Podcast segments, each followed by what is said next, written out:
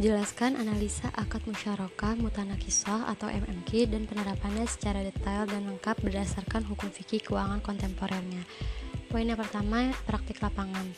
Pertama, nasabah mengidentifikasi properti yang ingin dibeli dengan akad MMQ dan melakukan pengajuan pembiayaan dengan akad MMQ kepada bank.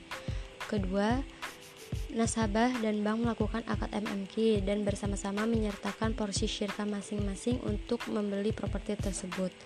Ketiga, properti yang dibeli disewakan kepada nasabah atau pihak ketiga. Keempat, pendapatan sewa dari properti tersebut dibagi antara bank dan nasabah selaku pemilik sesuai dengan nisbah yang telah disepakati di awal. Kelima, nasabah membeli porsi syirkah bank dari pendapatan sewa yang diperoleh berikut skema take over menggunakan akad musyarakah mutanakisoh atau MMQ. Poin yang kedua yaitu parameter kesusahan syariah. Di sini ada ketentuan dan syarat akad. Pertama, akad musyarakah mutanakisah terdiri dari akad musyarakah atau syirkah dan dai atau jual beli.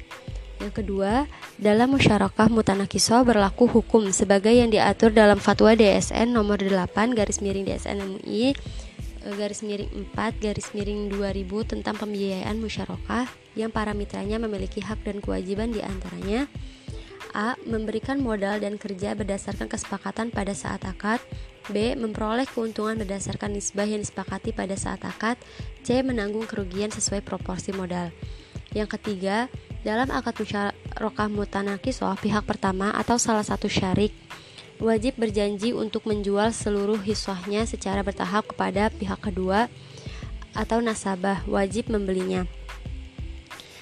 Yang keempat, jual beli sebagaimana dimaksud dalam angka 3 dilaksanakan sesuai kesepakatan.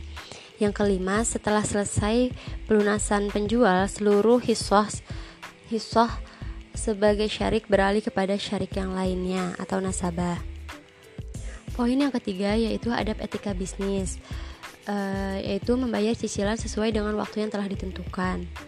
Poin yang keempat yaitu usul fikih sebagaimana yang dijelaskan pada surat Sot ayat 24 yang artinya dan sesungguhnya kebanyakan dari orang yang bersyarikat itu sebagian dari mereka berbuat zolim kepada sebagian lain kecuali orang yang beriman dan mengerjakan amal soleh dan amat sedikitlah mereka ini Rasulullah SAW berkata, Aku adalah pihak ketiga dari dua orang yang bersyarikat selama salah satu pihak tidak mengkhianati pihak yang lain.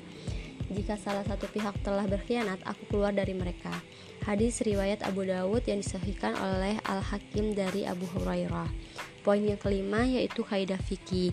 Kaidah fikihnya pada dasarnya semua bentuk muamalah boleh dilakukan kecuali ada dalil yang melarangkan, melarangnya atau mengharamkannya. Poin yang keenam yaitu makoci syariah. Makoci syariahnya dalam hukum Islam musyarakah mutanakisah memenuhi ketentuan tentang lima unsur pokok makoci syariah jika dikaitkan dengan produk dan operasional perbankan syariah.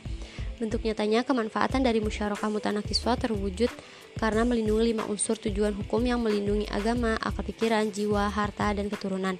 Kemanfaatan pada akad musyarakah mutanakiswa terlihat dari terwujudnya tujuan hukum atau mahkota syariah yang merupakan unsur mengambil manfaat dan menolak kemudorotan dalam kehidupan baik untuk dunia maupun untuk kehidupan akhirat. Ini yang ketujuh, akad fikih muamalah. Di sini menggunakan akad musyarakah mutanakisah terdiri dari akad musyarakah atau syirkah dan bai atau jual beli. Yang kedelapan, konsep muamalah. Transaksi ini diperbolehkan apabila sesuai dengan syarat dan ketentuan yang telah disebutkan dan barang e, yang harus dijual harus halal sehingga transaksi atas barang dan jasa yang haram menjadi batal demi hukum syariah. Presentasi pembagian keuntungan untuk masing masing pihak yang telah bersikat dijelaskan ketika berlangsung akad berlangsungnya akad. Keuntungan itu diambil dari hasil laba harta perserikatan, bukan dari harta yang lain. Modal harga barang dan jasa harus jelas.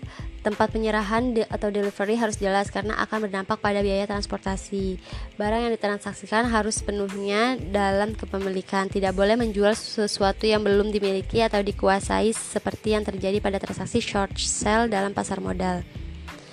Fatwa DSN MUI yang mengatur tentang uh, musyarakah mutanakisah atau MMQ yaitu nomor 73 tahun 2008 musyarakah mutanakisah dan fatwa DSN MUI nomor 8 garis miring 4 tahun 2000 tentang pembiayaan musyarakah.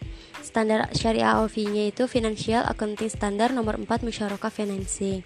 UU dan regulasinya pasal 3 Undang-Undang nomor 21 tahun 2008 tentang perbankan syariah, uh, Undang-Undang perbankan syariah.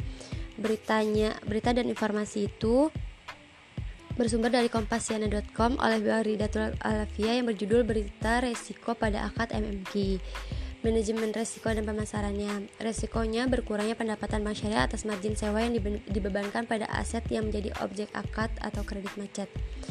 Manajemen pemasarannya itu dengan strategi marketing mix dan STP.